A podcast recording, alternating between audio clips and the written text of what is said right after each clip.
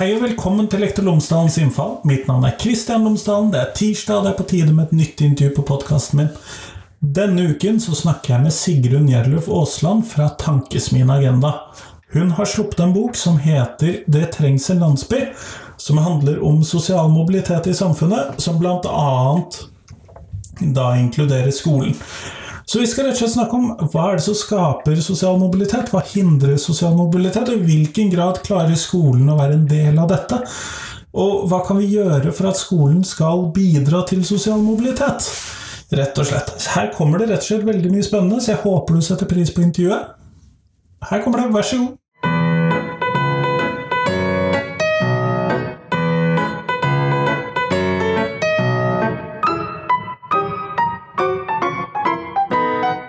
Sigrun Aasland, tusen takk for at du har tatt tid til meg i dag. Takk for at jeg har fått komme. Før vi starter selve intervjuet, kunne du ha fortalt lytterne mine tre ting om deg selv, sånn at de kan bli litt bedre kjent med deg. Ja. Eh, jeg heter Sigrun Aasland. Det teller kanskje ikke som én, for det har Nei, du sagt allerede. Eh, Jeg er 41 år, er fra Grimstad. eh, Er fagsjef i Tankesmien Agenda. Det var kanskje tre ting. Det er Skal jeg tre si noe mer? Nei, du trenger ikke det. Nei. Men, eh, og grunnen til at du er her, og det, vi kommer jo fort da inn på kanskje en fjerde ting her, du har nettopp skrevet en bok. Ja. Eh, fortell meg litt om det. Det er en bok som heter Det trengs en landsby. Den handler om ulikhet i Norge, eh, og så handler den om sosial mobilitet. Eh, og det betyr at i tillegg til å være opptatt av hvordan ressursene i samfunnet vårt er fordelt. Eh, Det har jo blitt sånn i Norge at noen har blitt veldig veldig rike, og noen har blitt eh, hengende etter, og forskjellene har blitt større. Men i tillegg til det så er jeg opptatt av i hvilken grad de forskjellene arves. Er det sånn at om foreldrene dine er, har veldig lite penger, så får du også det som voksen? Er det sånn at om foreldrene dine er veldig rike, så blir du også det som voksen? Eh, Og det er jo på en måte det vi ofte kaller sosial mobilitet. Og det har vi målt, og så skriver jeg om i boka hvordan dette har utviklet seg over tid, og hva som forklarer både at forskjellene øker, og at de arves. Som jeg tenker er Det gjør det jo om mulig enda mer alvorlig, da, at forskjellene øker. Eh, At det, særlig det å bli født inn i en lavinntektsfamilie, som er de jeg er mest opptatt av i denne boka, eh, betyd, i betydelig grad øker sannsynligheten for at du selv blir en lavinntektsvoksen. Og det er det mange grunner til, og det kan vi diskutere nærmere hva er. Nettopp. Men eh, da tolker jeg deg riktig hvis jeg da eh, tenker at eh, man ser det at uh, ulikheten øker. Ja. Og jeg tolker deg riktig hvis, vi, hvis jeg antar at det du sier er at dette faktisk arves. Eh, ja, men ikke for alle. Eh, det som, vi vet at ulikheten øker, det har de gjort i Norge jevnt og trutt siden ca. 1989. Og så har vi da målt om det er sånn at ulikhetene arves. Og da må man jo nødvendigvis tilbake i tid, da. Så da har vi målt alle barn født i Norge mellom 1978 og 1985, inkludert meg selv. Og meg. Og deg, ja.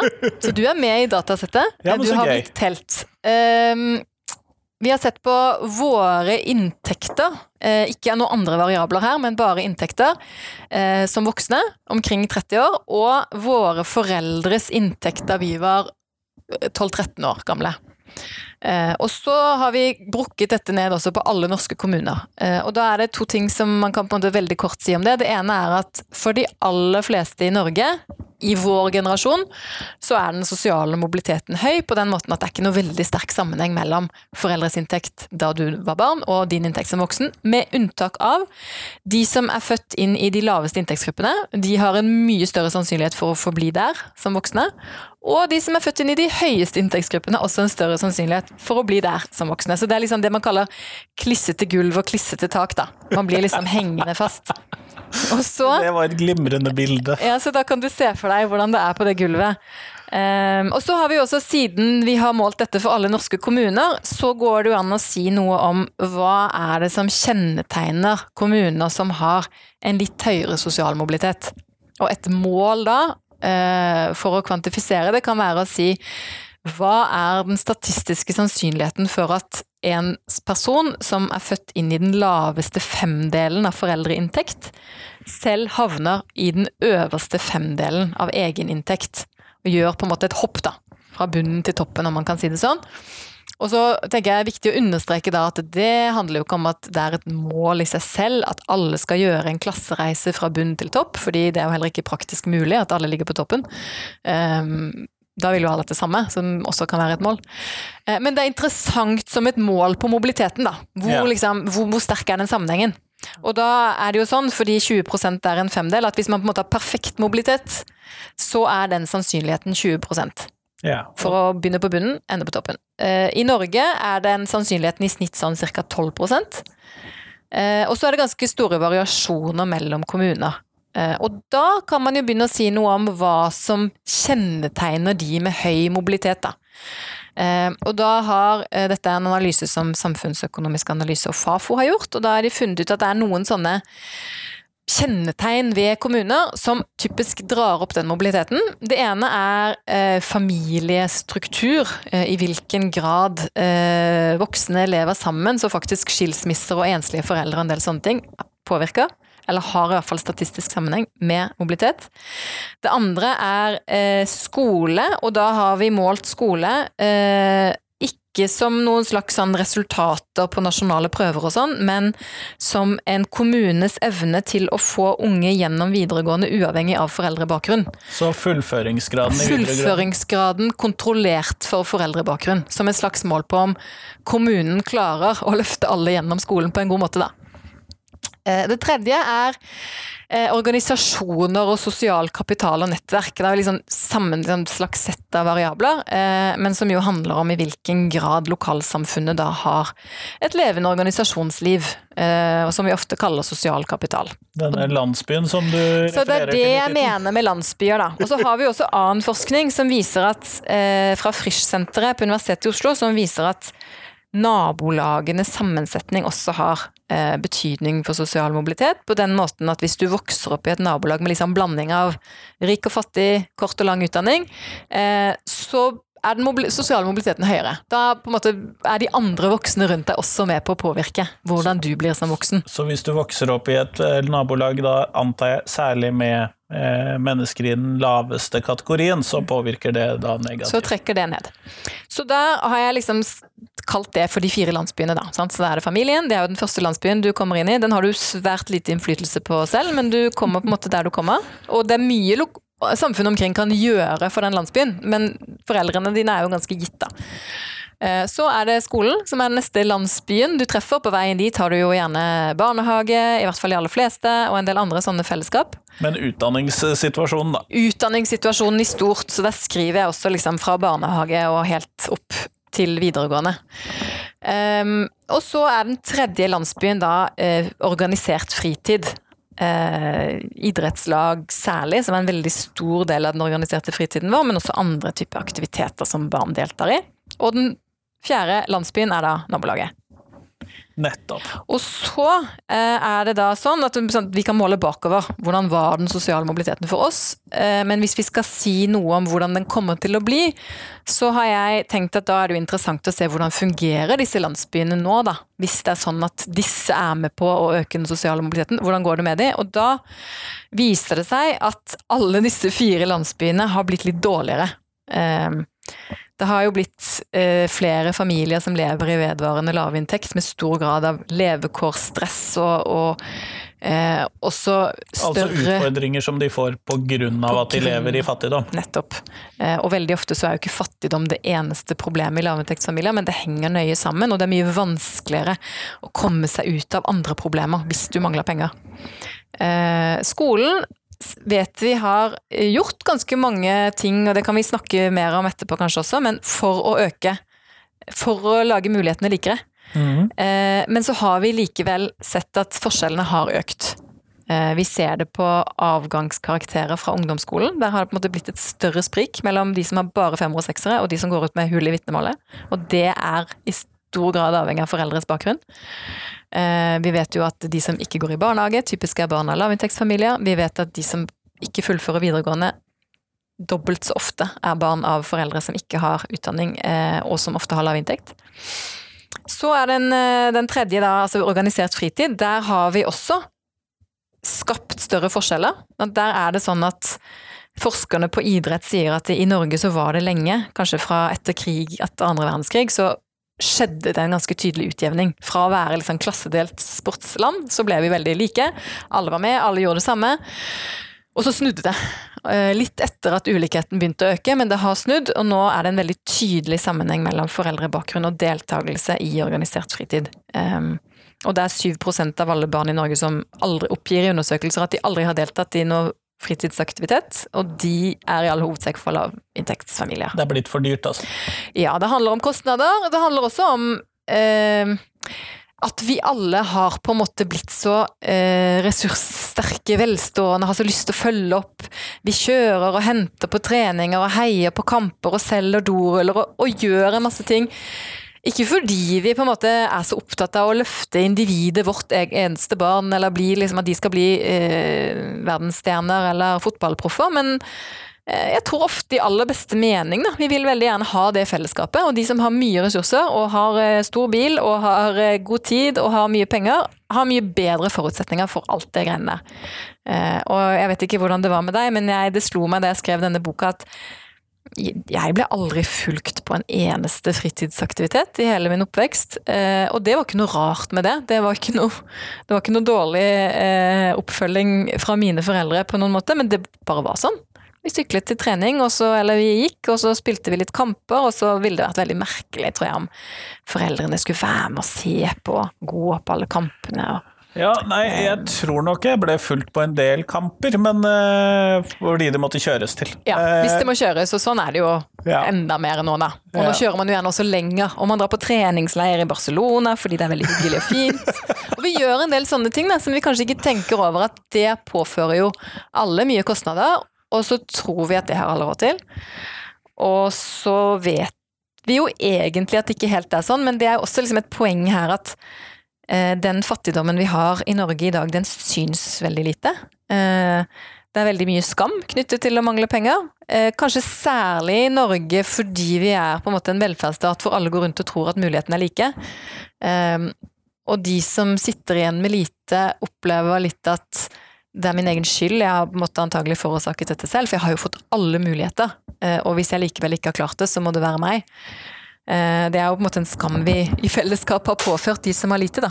Men som i hvert fall er med på å gjøre at både for familier som er i en vanskelig situasjon, og for foreldre som syns det er dyrt med kontingenter i idrettslag, så er det veldig vanskelig å skulle kalle seg selv fattig, søke om penger, eh, dokumentere behov, eh, og gjøre på en måte alle de tingene vi forventer at de som mangler penger skal gjøre for å få være med i fellesskapet, da. Ja, jeg ser den. Og der hadde jeg lyst til å bare kommentere en ting, for har, barna mine har vært i to idrettslag. Og på mm. det ene, som var fra en levekårsutfordret uh, bydel, så sto det nederst uh, Kontingenten var veldig lav, mm. 400 kroner, uh, eller 500. Og så sto det hvis du trenger å få denne dekket av Nav, så må du betale den først. Ja. Sto som en sånn Betale den først, og så få det refundert. Ja. ja. Sto som en sånn ting nederst. Men nå har vi byttet til en bydel som er mindre levekårsutfordret. Mm. Og for det første så er det mangedoblet pris, mm. men den linjen mangler. Mm. Og det syns jeg var et veldig sånn talende forskjell mellom ja. to forskjellige jo... klubbkulturer. Ja, og det er kjempeforskjeller. Vi har snakket med eh, Fotballforbundet blant annet, som jo gjør veldig mye og er veldig bevisst på at det er viktig å få med alle, og at det har skjedd en lagdeling i den organiserte fritiden og fotballen også. Eh, og veldig mange klubber gjør masse for å få med alle. Eh, det som fungerer best, er jo det som er litt lav terskel på. Eh, og så er det mange klubber som etterlyser litt hva de skal gjøre. Eh, og de sa det sånn i Fotballforbundet at alle nesten har jo i sine vedtekter at de vil være inkluderende. De vil ha bredde, og de vil ha med alle. Men, men hvordan gjør du det på en vanlig tirsdag? Eh, hva er det det innebærer? Eksempel må du sende ut hele betalingskontingenten i januar? Kan du ikke spre den litt utover? Eh, må det være sånn at de som mangler penger selv må søke og dokumentere? Og det vet vi jo fra veldig mange ordninger at ting som man selv må søke om, som gjerne kanskje er litt plundrete å søke om, og som krever litt dokumentasjon, og som krever også at du på en måte står i skammen det er, da. Ja, ja. Eh, det bruker ikke folk. Og det gjelder jo også idretten. Men, men, det er viktig, som du sier, å understreke at det er kjempestor forskjell på forskjellige idrettslag. Noen er veldig bevisste og veldig flinke. Eh, noen er mer opptatt av å varme opp kunstgressbanen og eh, lage kjempeflotte treningsturer som det er mye bra med, men som da gjør at noen ikke blir med. Og de sier jo ikke 'jeg blir ikke med fordi det er for dyrt', de sier 'jeg syns ikke det er noe gøy'. Jeg har ikke så lyst. Ja, det er jo ofte det. Jeg hadde lyst til å spørre deg om en gruppe som eh, kanskje ikke var så mye fokus, men som du nevnte i begynnelsen. Og det er det der, eh, hva skal vi kalle det, de tre femtedelene i midten. Ja. Som du sa at der var det en del sosial mobilitet. Ja. Eh, og da er jo egentlig mitt spørsmål, kan det ha en sammenheng med at vi har et litt sammentrykket lønnsmarked i Norge? For det, Det- var ja. en tanke som slo meg. Det er jo, hører jo med til historien at de økonomiske forskjellene i på en måte den generasjonen vi har målt, er jo ikke veldig store. Eh, Så den forskjellen mellom gruppe to, tre og fire er ikke så veldig stor. Det er gruppe én og fem som liksom har Ja. forskjell. Det er jo det, og så er det jo, handler det jo også om at vi har jo en god velferdsstat. Vi har jo mange ting som har vært med på å skape like muligheter for alle, men det jeg syns er bekymringsfullt, er jo på en måte at det er to ting som forsterker hverandre. Det ene er jo at de økonomiske forskjellene øker i seg selv. Eh, Lønnsstrukturen har blitt mindre sammenpresset, lønnsforskjellene har blitt større, formuesulikheten har blitt helt enorm. Samtidig som det skjer, eh, så har også de fellesskapene som på en måte skulle utjevne forskjellene litt, og gjøre det litt mindre viktig hvem foreldrene dine er, de har også blitt litt svekket. Eh, De har blitt svekket på den måten at vi legger veldig mye byrde på familier med lav inntekt. Det må søkes om nedsatt foreldrebetaling. Eh, knappe stønader avkortes mot hverandre. Eh, og bare det at veldig mange familier har så mye penger, gjør jo at det blir enda vanskeligere å ha lite. Eh, I skolen så har vi eh, gjort en del ting som vi kanskje tenkte skulle utjevne forskjeller, men som ikke helt har gjort det. Kanskje tvert imot. Eh, og så har vi på en måte latt det skje at idretten har blitt litt mer delt, fordi vi ville gjøre gøye ting, og fordi det var så mye kult utstyr på markedet, og eh, fordi vi så veldig gjerne ville at barna skulle eh, trives der, og fordi alle vet at barn som driver med idrett, har det bedre, ha flere venner, gjør det bedre på skolen. Eh, og det vil jo alle foreldre for barna sine, og dermed dytter og ordner og, og, og hjelper de til så godt de kan. Eh, og det merkes jo da i form av at de som ikke kan, eh, blir stående helt utenfor. Og så På nabolagene så har det jo også skjedd at vi har hatt en, et helt ekstremt liberalt boligmarked i Norge, sammenlignet med mange andre land. Og lav boligskatt og en kjempehøy boligprisvekst, som nok har gjort, og som vi ser har gjort, at boligmarkedet har blitt mer segregert. Da. De rike bor et sted, og de fattige bor et sted, i mye større grad enn før. Selv om det også var litt sånn før. Der vil du vel kanskje se større forskjeller i byene enn du ser ut i andre kommuner i omegn, f.eks.? Eh, Det vil du eksempel, og det er også et element i disse, dette datamaterialet som vi begynte med, at det er en tendens til at den sosiale mobiliteten er litt høyere på små steder enn i de store byene. Eh, Den er også mye høyere på Vestlandet enn i resten av landet, typisk. Interessant. Eh, og ja, en åpenbar forklaring på det kan selvfølgelig være at på Vestlandet har det vært tilgang på godt betalte jobber på tvers av utdanningslag. Det har vært på en måte en mye Fisk og olje ja, særlig sant, olje. Disse barna, eller vi da, ble vokste jo opp eh, i begynnelsen av oljealderen i Norge. Ehm, så at det har vært små lønnsforskjeller, har selvfølgelig vært med på å bidra til dette. Ehm, men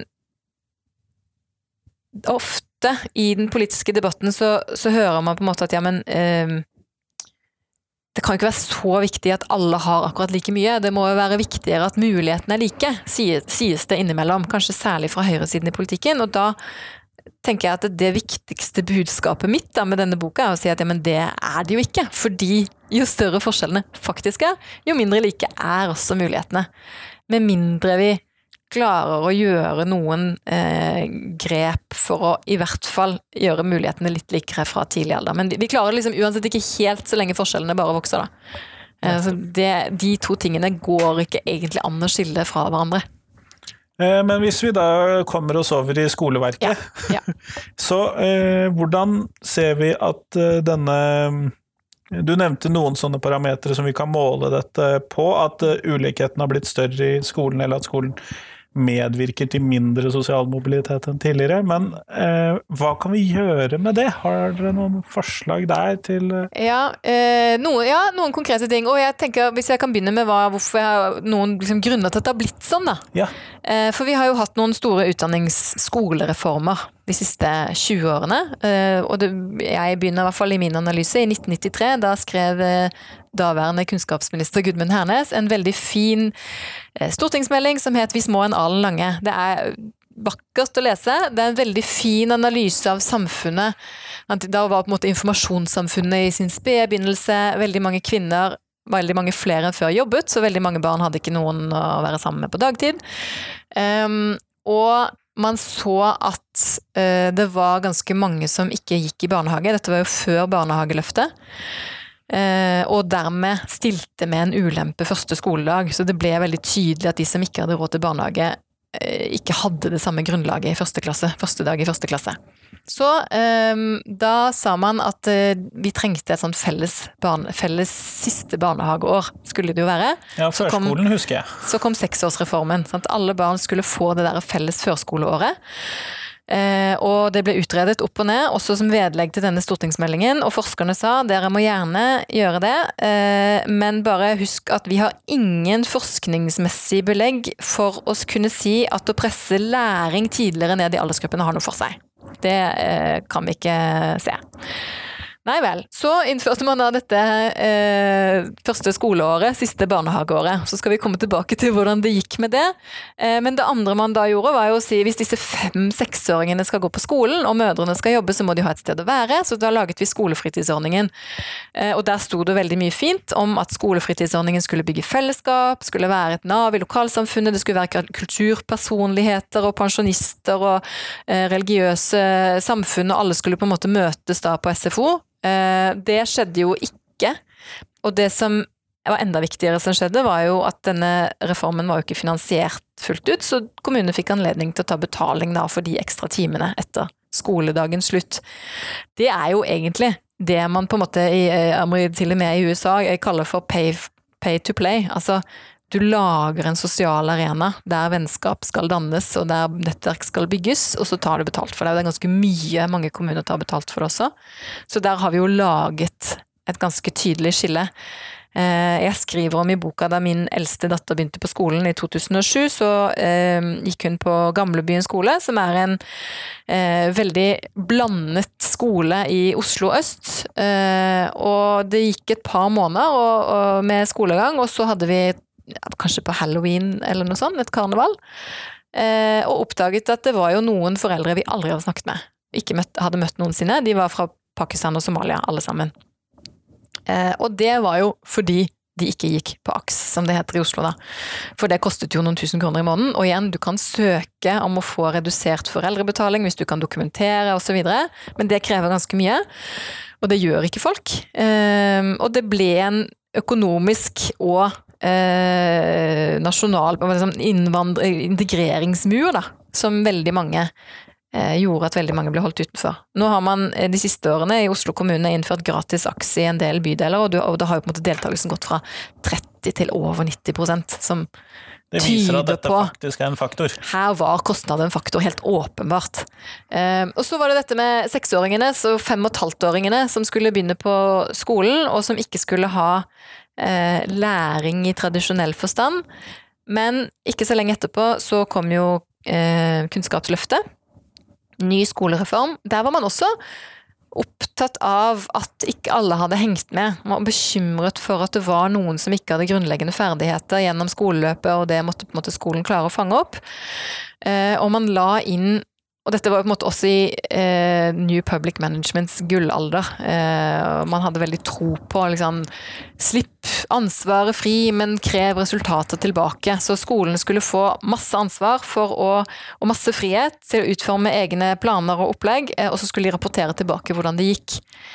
Eh, men resultatet av det ble også at det ble veldig mange læringsmål, eh, og veldig tidkrevende å skulle både operasjonalisere og rapportere på alle disse målene og mye av den tiden som lærerne også skulle ha, kanskje særlig i småskolen, til å følge opp de som har strevd litt, eh, tilpasse opplegg litt, lage det, lage det, litt lettere og på en måte komme inn i skolehverdagen for de aller minste, den tiden ble litt borte.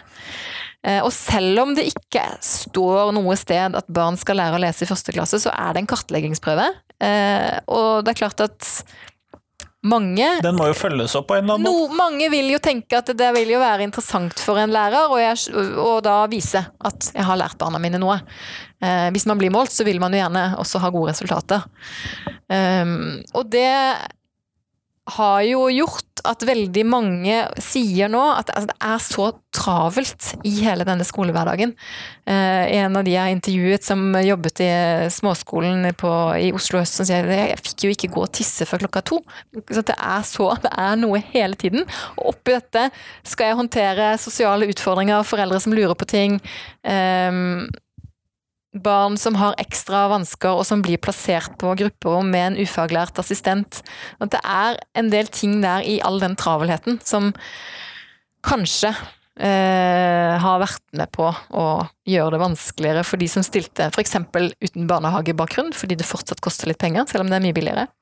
Eh, og jeg har litt sånn kontrast i dette til en lærer som jeg selv hadde på barneskolen, som da har vært barneskolelærer i 40 år. Eh, og som på en måte har tatt meg litt igjennom sant, hvordan har skolen endret seg fra hun begynte på ja, for litt over 40 år siden, og til hun gikk av med pensjon. Eh, og hun beskriver jo en skole som på veldig mange måter har blitt mye bedre. At det er eh, mye større åpenhet. Det er ikke lenger sånn at læreren kan lukke døra og si 'her har jeg full kontroll'. Eh, man blir sett i kortene. Eh, det er mye mer kunnskap om lese- og skrivevansker. Eh, man snakker om elevene som på en måte mennesker man har respekt for på en helt annen måte enn det det var greit å gjøre før. Eh, så alt det er mye bedre, men samtidig med en liksom større og større profesjonalitet, så kom også gradvis mindre og mindre tid og ressurser. Sånn at det presset eh, beskriver hun som liksom veldig tyngende. Eh, og hun hadde selv en klasse rett etter seksårsreformen hvor det var mange, særlig gutter, da, som syntes det var vanskelig å sitte stille og konsentrere seg. Og, så, og da, sa hun, laget vi en skrukrok. Så da satt hun opp bakerst i klasserommet, et bord, og så fikk hun noe fra søppelplass og litt forskjellig fra vaktmesteren og sånn, noen gamle sykler og lamper og forskjellige ting. Og hvis det var noen som syntes det var vanskelig å sitte stille, så fikk de gå bak i kroken og skru litt. Og så kunne de komme og sette seg igjen når det var liksom når de hadde Roa seg litt? Ja. Eh, og det fungerte veldig bra. Eh, og det ville jo neppe vært mulig i dag. Så kan det jo sikkert noen sikkerhetsmessige grunner og sånt til at det ikke ville vært mulig i dag, men også den roen på at det er ikke så farlig om på en måte det går en time vekk i de første trinnene eh, til å finne den roen og til å ta det i eget tempo. Eh, den har blitt litt borte, også på en måte i aller beste mening. Uh, og jeg har et eksempel også med fra litt høyere opp i skolen, en, en, ungdomsskole i Stavanger som det var mye skriverier om i avisen, hvor de elevene da hadde fått i oppgave å bake et brød hjemme er en fin, praktisk oppgave som mange kan mestre og ha glede av. Men i denne oppgaven, som var på uh, 1000 ord omtrent, uh, så var det altså så mange kompetansemål presset inn. Man skulle bake brød, man skulle være kreativ, man skulle bruke ulike ingredienser og, og melformer. Man skulle lage en brosjyre med innholdsfortegnelse og en fin illustrasjon. Man skulle lage en markedsundersøkelse hvor venner og naboer og foreldre kunne smake på brød og gi den karakter. Eh, og man skulle, eh, så man skulle på en måte håndtere, ha ressurser hjemme til alle disse ingrediensene, og gjøre gjerne også noen litt kreative og uvanlige typer mel og sånn. Og man skulle ha et nettverk rundt seg, og man skulle ha de verbale ferdighetene og skriftlig, eh, og gjerne også en datamaskin og en printer, så du kunne lage en fin forside. Og en masse ressurser som noen har, men som på en måte også gjør at en oppgave som i utgangspunktet kunne løses på veldig mange mange ulike måter, og ble en sånn mestringsmur, da. Og så uttalte rektor, da all kritikken mot dette kom, at ja, men hvis det er noen barn som ikke mestrer denne oppgaven, så lager vi selvfølgelig et tilpasset opplegg. Eh, og da kan man jo lure på, på en måte, er det eh, er det sånn at man da må være en som ikke passer inn og ikke mestrer, da, for å få et eksplisitt tilpasset opplegg? Eller kunne vi laget dette på en måte som var tilpasset. Flere kunne mestre. Og så kan jeg også forstå det fra lærerens ståsted. Det er jo kjempefristende, da. Hvis du kan få lesset inn masse, 20 forskjellige kompetansemål og krysse de av. I tillegg i en lekse. I en lekse, ikke sant. Og så er du ferdig med de, og så du, kan du gå videre til neste av de mange kompetansemålene. Men det er et eller annet der med den travelheten i alle målene, og så skulle de rapporteres tilbake. Så det er på en måte en frihet som du ble gitt, og som ble tatt tilbake, da. Eh, som jeg tror eh, kan være med på å forklare hvorfor vi ikke klarer å fange opp flere tidlig. Kombinert med at eh, mange overhodet ikke er klar for å sitte stille og eh, lære å lese når de er fem Ja, år. så det er, det er noen utfordringer knyttet til hvordan vi har lagt opp skolehverdagen i seg selv for noen av disse. Ja, jeg tror det er en utfordring hvor vi har organisert den. Vi har eh, lagt for mye av operasjonaliseringen ned på den enkelte skole. Eh, jeg tror det er et åpenbart problem at vi har tatt betalt for en sentral del av skolegangen. Det er jo egentlig det vi har gjort, så det burde vi slutte med. Altså SFO. Eh, altså SFO. Eller AKS, da. Ja. um, og så har vi på en måte Vi har så veldig lyst til at det skal være veldig bra, og at vi skal kunne vise at det er veldig bra, og dermed lager vi en masse mål, og så må det dokumenteres hvordan vi når de målene.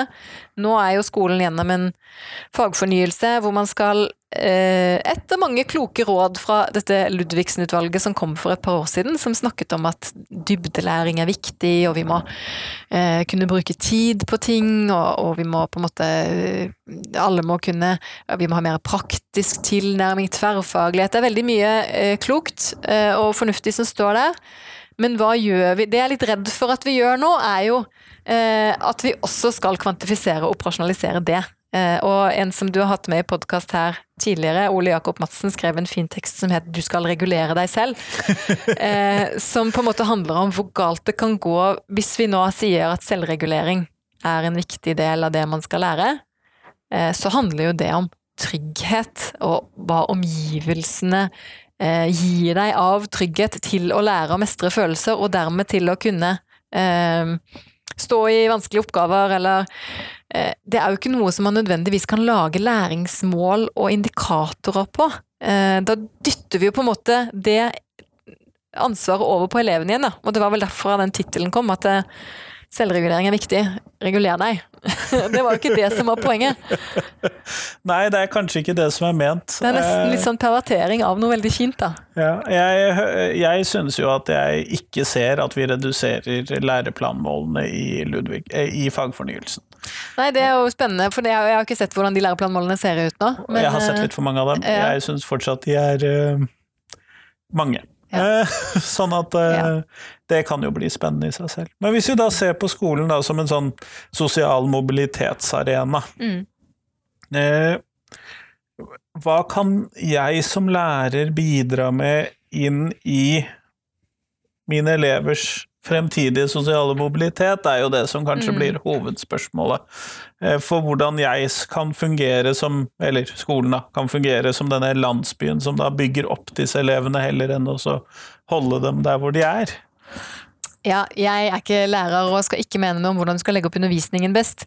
Eh, for det har jeg ikke noe kompetanse på, men jeg tror at eh, det, det jeg har foreslått i boka handler ikke så mye om hva lærerne kan gjøre, det handler egentlig mer om hva myndighetene kan gjøre. Da går Eh, vi dit.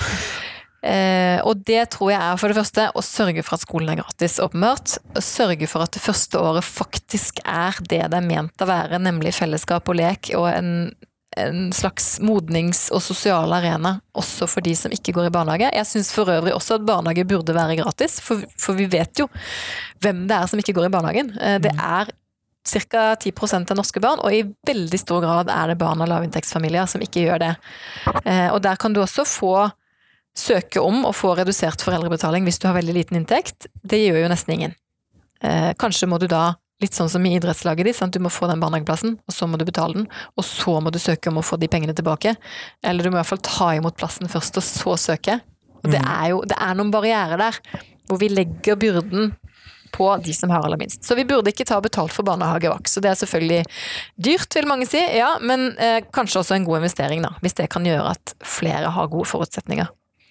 Så tror jeg man må, og det er, det er jo synd hvis det er sånn som du sier, da, at fagfornyelsen ikke klarer det, og det er veldig vanskelig. Eh, senke skuldrene litt på de målene, og det handler jo også litt om på en måte en sånn rettighetstankegang som vi har i veldig mange offentlige tjenester, da, at det er veldig viktig å komme seg gjennom de kompetansemålene sånn at foreldre eller elever ikke skal kunne komme tilbake etterpå og klage på at ikke de har fått det de skulle ha. Så hvis jeg ikke sto på den eksamen og jeg kan si at det var du som lærer som ikke var gjennom dette kompetansemålet, så eh, kan jeg legge ansvaret over på deg, på en måte. Eh, vi er nødt til å ha færre sånne mål, da. Vi er nødt til å gi lærerne mer tid. Jeg lurer, det er jo mange som mener at vi burde ha heldagsskole. Jeg vet ikke om vi ville fått noe mer tid av det. Jeg tror vi kanskje bare ville presset enda flere læringsmål inn i den heldagsskolen, og det er jo Det er ikke sikkert det ville vært så bra. Men jeg tror vi trenger eh, å stille mye strengere krav til skolefritidsordningen, og hva den skal være. Den, den trenger ikke ha masse læringsinnhold, men den burde ha eh, f.eks. noen kvalifikasjonskrav hos de som jobber der. Eh, og den burde ikke koste penger, for den er en helt integrert del av de aller fleste barns skolehverdag.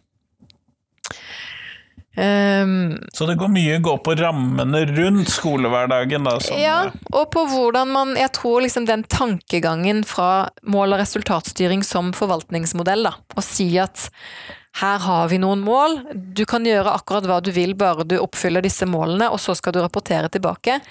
Dette er litt tidstyv. Fordi, eh, og for veldig mange så ville det kanskje vært bedre om myndighetene sa sånn kan dere, i hvert fall. Sånn kan dere, eller sånn bør dere gjøre det. Eh, og så trenger ikke alle skolene og alle lærerne å lage sine egne opplegg og rapportere tilbake på det. Um, og så har jeg heller ikke gått inn i hele leksediskusjonen, men jeg tenker det er jo åpenbart at man ikke skal legge inn noen ny læring, og man skal vel heller ikke ha noen lekser i første klasse når man egentlig ikke går på skolen. Man går jo egentlig i felles barnehage. Det var jo det som var intensjonen. uh, men det har jo forsvunnet i ganske stor grad. da med Kunnskapsløftet? Ja, med Kunnskapsløftet. Ikke fordi man da bestemte at nå skal vi lage skole av det første skoleåret, men fordi man begynte å måle hva de hadde lært i slutten av første klasse. Og jeg skjønner jo veldig godt at hvis du er lærer i første klasse og noen skal måle hva barna dine kan i slutten av første klasse, så har du jo veldig lyst til at de skal kunne det, da. Eh, men, men det er jo økende bekymring nå for at formell læring har blitt flyttet liksom for langt nedi Mm. For tidlig. Og så eh, har jeg også eh, foreslått, og der er det mange som er uenige, så det er jo gøy, men eh, at videregående skole burde ikke være et individuelt ansvar, sånn som det er nå. Eh, I Norge så har vi ti års obligatorisk skolegang. Det er fordi vi har sagt at du må ha ti år for å kunne fungere i samfunnet og få en jobb og bli et gangsmenneske. Nå har samfunnet endret seg så mye at det finnes nesten ingen jobber for de som har ti års skolegang. Man må ha 13. Eh, det betyr ikke 13 års teoretisk utdanning, men det betyr 13 års en eller annen utdanning, og gjerne flere med praktisk utdanning, for vi mangler jo masse fagutdannede mennesker her i landet. Så da eh, tenker jeg at det burde være obligatorisk med 13 år. Eh, det betyr ikke at man skal eh, sette folk i fengsel hvis de ikke møter opp i videregående skole. Det betyr at man skal stille fylkeskommune, region og kommune til ansvar. Da. for at vi bør levere innbyggerne våre 13 års utdanning som de kan komme seg gjennom. Ja, men det eh. vil jo da inkludere at man øker skoleplikten fra ti år til Eller undervisningsplikten, vi har ikke noe skoleplikt. Ja. Opplæringsplikt heter det. Ja. Der har vi ja. på riktig ord. Fra 10 til 13. Og det er nettopp det, for det er en opplæringsplikt, så det er jo ikke individet som er pliktig. Det er jo fellesskapet som er pliktig. Fellesskapet syns jeg burde være pliktig til å eh, gi folk 13 års utdanning. Eh, på en tilpasset måte, og på en måte som er mulig å mestre og komme seg gjennom. Um, og grunnen til at jeg syns det, er jo at det, nå vet vi at det er frivillig å gå på videregående. Eh, det er en del som slutter. Det er jo ikke tilfeldig hvem som slutter, det er de som har eh, foreldre med kun grunnskoleutdanning og med lav inntekt, som i mye større grad enn andre slutter. De er jo altså ikke gamle nok til å stemme, ikke fordi de kjører bil, ikke fordi de drikker alkohol, men de får lov til å ta et kjempealvorlig og viktig valg som alle vet er dumt. Det er ingen som syns det er en god idé å slutte på videregående skole. Eh, men da toer vi våre hender og sier ja ja, det får du gjøre. Det må være din frihet. Eh, og så går det noen år, og så får man jo ingen jobb, og så sier vi nei, nei, det var synd. Da må du vente til du er 25. Eh, vi har gitt deg muligheten, vi, men du tok den ikke. Og det syns jeg er å legge for mye ansvar på en 16-17-åring til å gjøre noe som alle vet er dårlig. I stedet for å legge en forpliktelse på fellesskapet til å si at den 16-17-åringen skal ha undervisning. Eh, og skal ha en kompetanse og et fagbrev eller et eller annet som gjør at man kan komme seg ut i arbeidslivet. Eh, så det tror jeg er en diskusjon som vi ikke er ferdig med, men, men det har jo endret seg. Det, jo, det, har jo ikke alltid vært ti års obligatorisk utdanning heller. Det var jo mye mindre før. Og så har det jo blitt mer og mer. Og det har skjedd i takt med at samfunnet har endret seg. at arbeidsmarkedet har endret seg. Endringer gir endringer, osv. Ja, videre. Ja. Eh, vi går mot slutten av podkasten, og da skal jeg stille deg det samme spørsmålet som jeg stiller alle de jeg intervjuer. Og det er rett og slett, eh, hvis du får bestemme, hva skal ut av skolen? Må jeg si et fag, eller kan jeg si en opp... Altså, Eller en ting? ja, for jeg et, eh, tror lærerne bruker altfor mye tid på eh, å dokumentere oppover hva de gjør. De bruker for mye tid på å dokumentere oppover og på å delta i eh, strategisk arbeid i å på en måte ting som er initiert av andre over, og som ikke handler om eh, det man har lyst til å gjøre i den klassen man har ansvaret for. Eh, det skulle jeg ønske man kunne ta ut. All den tidsbruken som ikke handler om eh, undervisningen. Og så eh, eh, Så tror jeg at vi må innse at det ligger veldig mange ikke-undervisningsrelaterte oppgaver på f.eks. kontaktlærere, som vi ikke anerkjenner nok. Sosialt, eh, Sosialt arbeid og. Og så, kan, og så har det vært utredet opp og ned, og så sier noen at ja, vi må ha sosiallærere, vi må ha vaktmestere. Men det er veldig ofte ingen andre enn den kontaktlæreren som har den tilliten. eh, til å kunne ta de samtalene med barna, med foreldrene, eh, løse opp i konflikter. Eh, og det må på en måte være en del av tidsbruken. Og da må de ha tid til det. Da må de ha tid til det. Så mer, ti, mer tid inn.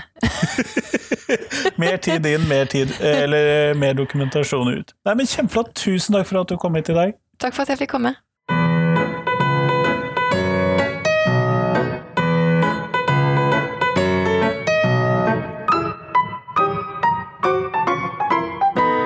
Tusen takk til Sigrun, og tusen takk til deg som hørte på. Eh, Nå er det én uke igjen til neste podkastintervju. Da kommer Trine Anker fra Menighetsfakultetet. Vi skal snakke om eh, hva ungdommer legger i religion. Hvor viktig er religion for ungdommer? Hva vet vi om ungdom og religion, rett og slett. I tillegg så har hun sittet i læreplangruppa for KRLE og RE-faget i videregående skole, sånn at eh, vi skal rett og slett snakke litt om læreplanen også. Det tror jeg blir veldig spennende. Men da er det en uke igjen til neste gang. Del podkasten min med noen som du tror vil like den. Hei, hei.